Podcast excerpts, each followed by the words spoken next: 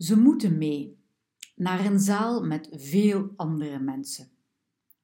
Daar kunnen ze eindelijk slapen.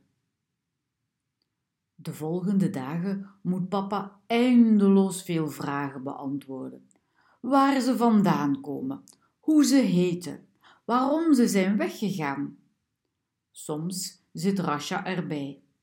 Soms gaat ze naar de andere kinderen, maar ze speelt niet mee. Haar ogen zoeken Selima.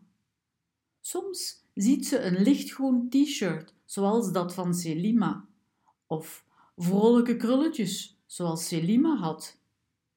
Maar het gezicht dat erbij hoort, is nooit dat van haar zus. Ze moeten te voet verder, met een hele groep, dagenlang.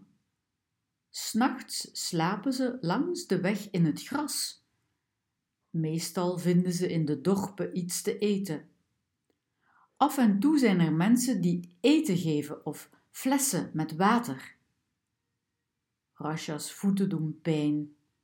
Mama smeert er zalf op. Soms komen er mensen in auto's langs. Is het nog ver naar Europa? vraagt Rasha. We zijn al in Europa, zegt papa, maar we gaan naar een land waar we kunnen blijven. Elke dag trekken ze verder. Rasha wordt helemaal vuil, haar haren plakken. Er is niet genoeg water om je goed te wassen. Eerst vindt ze dat erg. Later kan het haar niets meer schelen.